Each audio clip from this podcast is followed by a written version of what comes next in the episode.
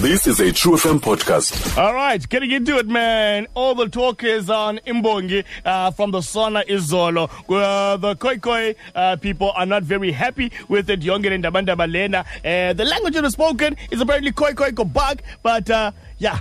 It's not apparently what the praise singer was praising in. And to come through and talk to us about this is uh, uh, Ichomi from Namibia, Lamay. Lamay, welcome to True FM. Thank you for your time. Yes, hi. Are you good, my man? I'm well. How are you doing? I'm absolutely fantastic. Listen, uh, LeMay, yesterday was a very groundbreaking uh, SONA for, for South African people, especially for the Khoi Khoi people, because this was the first time where we'd actually had a Khoi Khoi person coming through praising in Khoi Khoi Gabak.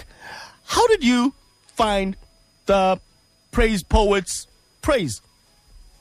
Uh, well, I, am sure it must have been an, an accelerating or a, a, big experience for you guys to have experienced this in your SONA, especially. Yes, quite very. a big platform. Mm. Quite a big platform itself. Um, however, what bothered me is is just a misrepresentation of, of the language itself. Mm. Um, it was referred to as a Khoisan language um, of which we all know by history there is no such uh, uh, grouping as a Khoisan. There are Okay. two groups, the Khoekhoe and the San people, which we refer to uh, loosely as the Bushmen Okay. or, or the hunter-gatherers. Mm. So during those, back in those years, colonial eras, those two people, because of the clicking sound that they use in their language, they were grouped together because the colonialists, those chiefs, uh, decided that these two are non-different uh, uh, groupings. So that was incorrectly applied then.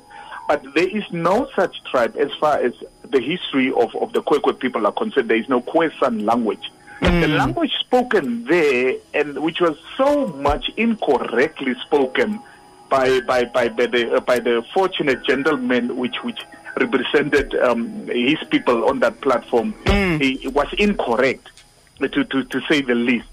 Um, I just feel like um, one should not attack the person, the individual, or the person himself, his character, or whatever it is, but just the fact that he did, he could have done a lot more research into the language. We've got in the background within South Africa itself, we've got a history of Khoekhoe people, um, which were known as, as which are known as the Riemvasmakers.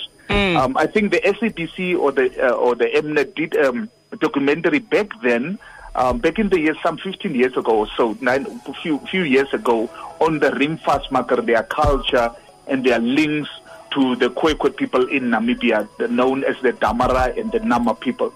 So I think the, he, he has so much referencing, and he so much re, uh, uh, research material that he could have undertaken to find their heritage if they claim to be Khoekhoe people or Khoesan people, to find that heritage.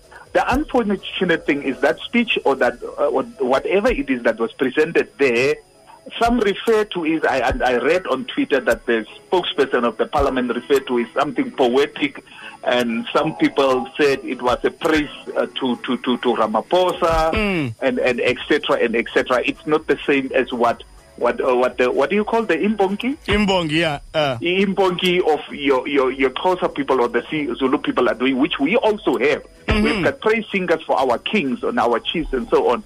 But what was said that in truth, from what we could pick up, what was said is that he was reciting a rhyme, no, a hymn, a, a hymn song, a Lutheran church hymn song. what? That is a Lutheran church hymn song that was being recited. We do not actually sing it, but we it's, we use it as a prayer at the end of a sermon. Okay. So wow. that's exactly what, what what was being recited, which was confusing for me because they translated what he apparently said into English, and what we heard or snippets or, or what we could pick out from his praising, it's not correlating with what was translated into English. We can give you the translation. I can personally send you the hymn. It's the hymn song in, in that is translated into uh, uh, that we that we use in our churches, our Khoekhoe or our Damaranama churches. It's the hymn song, the Lutheran hymn song, one number song number one six eight, that he was loosely reciting there, misrespect, disrespecting our language, our heritage, and with the claim saying that our language is extinct and the people are extinct, which is not true. There's a huge number of a population of Khoikhoi people living in Namibia, and some number of people that are living in in Northern Cape, uh, in South Africa as Yeah, well. yes, so it even is in the very Eastern Cape. Mm. unfortunate, yeah, that this guy is, I, these people are isolating themselves, but yet at the same time claiming that they are Khoikhoi people or Khoisan, whatever it is that they are calling themselves. Listen now, La- Lame, um, besides him taking uh, loosely referring to a Lutheran hymn uh, in uh, uh, your language, um, if you to translate some of the words that he did get correct in there, what was he saying? What what what did those words mean? Trust me, I don't know. I can't even. The only word that I could hear that was constantly being shouted or was but being so- said by that guy is Kote. I'm sure you Yeah, I heard. Uh, up. Yeah. What does that mean? Kote, yes, that word means God, and that's literally the only word that that makes sense there. Hmm. And the rest of of, of, of the conversation or the speech was a, a, a picking of, of words from this Lutheran hymn. So so we couldn't make sense. Directly translated, what he was, it, it wouldn't turn out to be the English version that is being that is being translated now at the moment. Oh wow! Listen, Yeah. Lame, we'd love to get that hymn. Uh, if there's some way uh, you can communicate with the producer, get us that hymn so that we can actually hear the hymn and play uh, the praise as well. Um, so even though, all right, so besides him coming through and um, uh, first of all taking from the Lutheran hymn and also not um, saying the right words, words that are understandable uh, in Koi Koi Kuab. Uh, what, sorry, is it Koi Koi Kuab? What's the language again? Kwe kwe govap. Koi Koi Kuab. Um, yeah, the govap, the govap part, the the, the, the, the clans or the tribes are the kwe kwe. Uh-huh. The word govap means language. Ah. Like you say, Xhosa, Xhosa govap. Ah, Zulu govap. So koi it- koi the kopap. part means language. It is a language. Ah. Oh, this is so illuminating for me. Thank you very much. So, besides all of that, this guy didn't even come and do what he was supposed to do, which was to come and praise for the king, in inverted commas, of South Africa, which is Cyril Ramaphosa. He just did a poem. No, there was no such thing as Cyril. There was not even a name of Cyril Ramaphosa mentioned in that whatever it is that he was mentioned.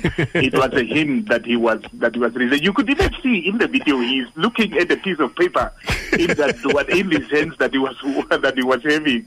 So no Cyril Ramaphosa unless there is a another word for Cyril Ramaphosa in, in that language of theirs. But I, I swear I never heard the word Cyril Ramaphosa in that. Uh, because that's what I would have heard if it was a Xhosa or a Zulu, mm. a, a Ibonki that was saying. And us as well, we have got Ibonkis that do praise songs, uh, praise, praise singing to the chief and our king. So that they would have mentioned it is a clan. You mentioned the clans. Who is this Yeah, guy? yeah. You recite all the clan names. And that's what it's all about. But that what was happening there, he was reciting that uh, hymn in look as, as as much as he can. But it is it is it is it is very uh, wealthy and a and a rich culture that we that we have. And it would have very it would have it would have been very important for him to do research.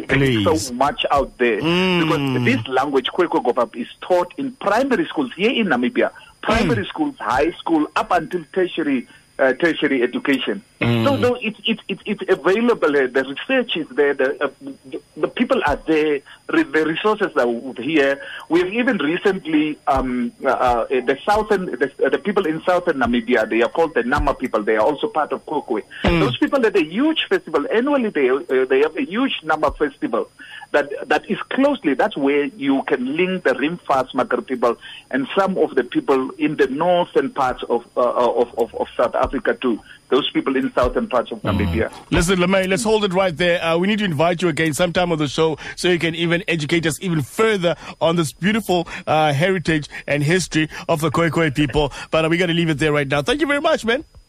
Thank you, Quentin Aware. Yeah. So, so uh, what does that mean? Sawari. What does that mean? That means have a nice day. Sawari. How do I say it again? Say it again. Have a nice day. Kai Kang. says Kang sis.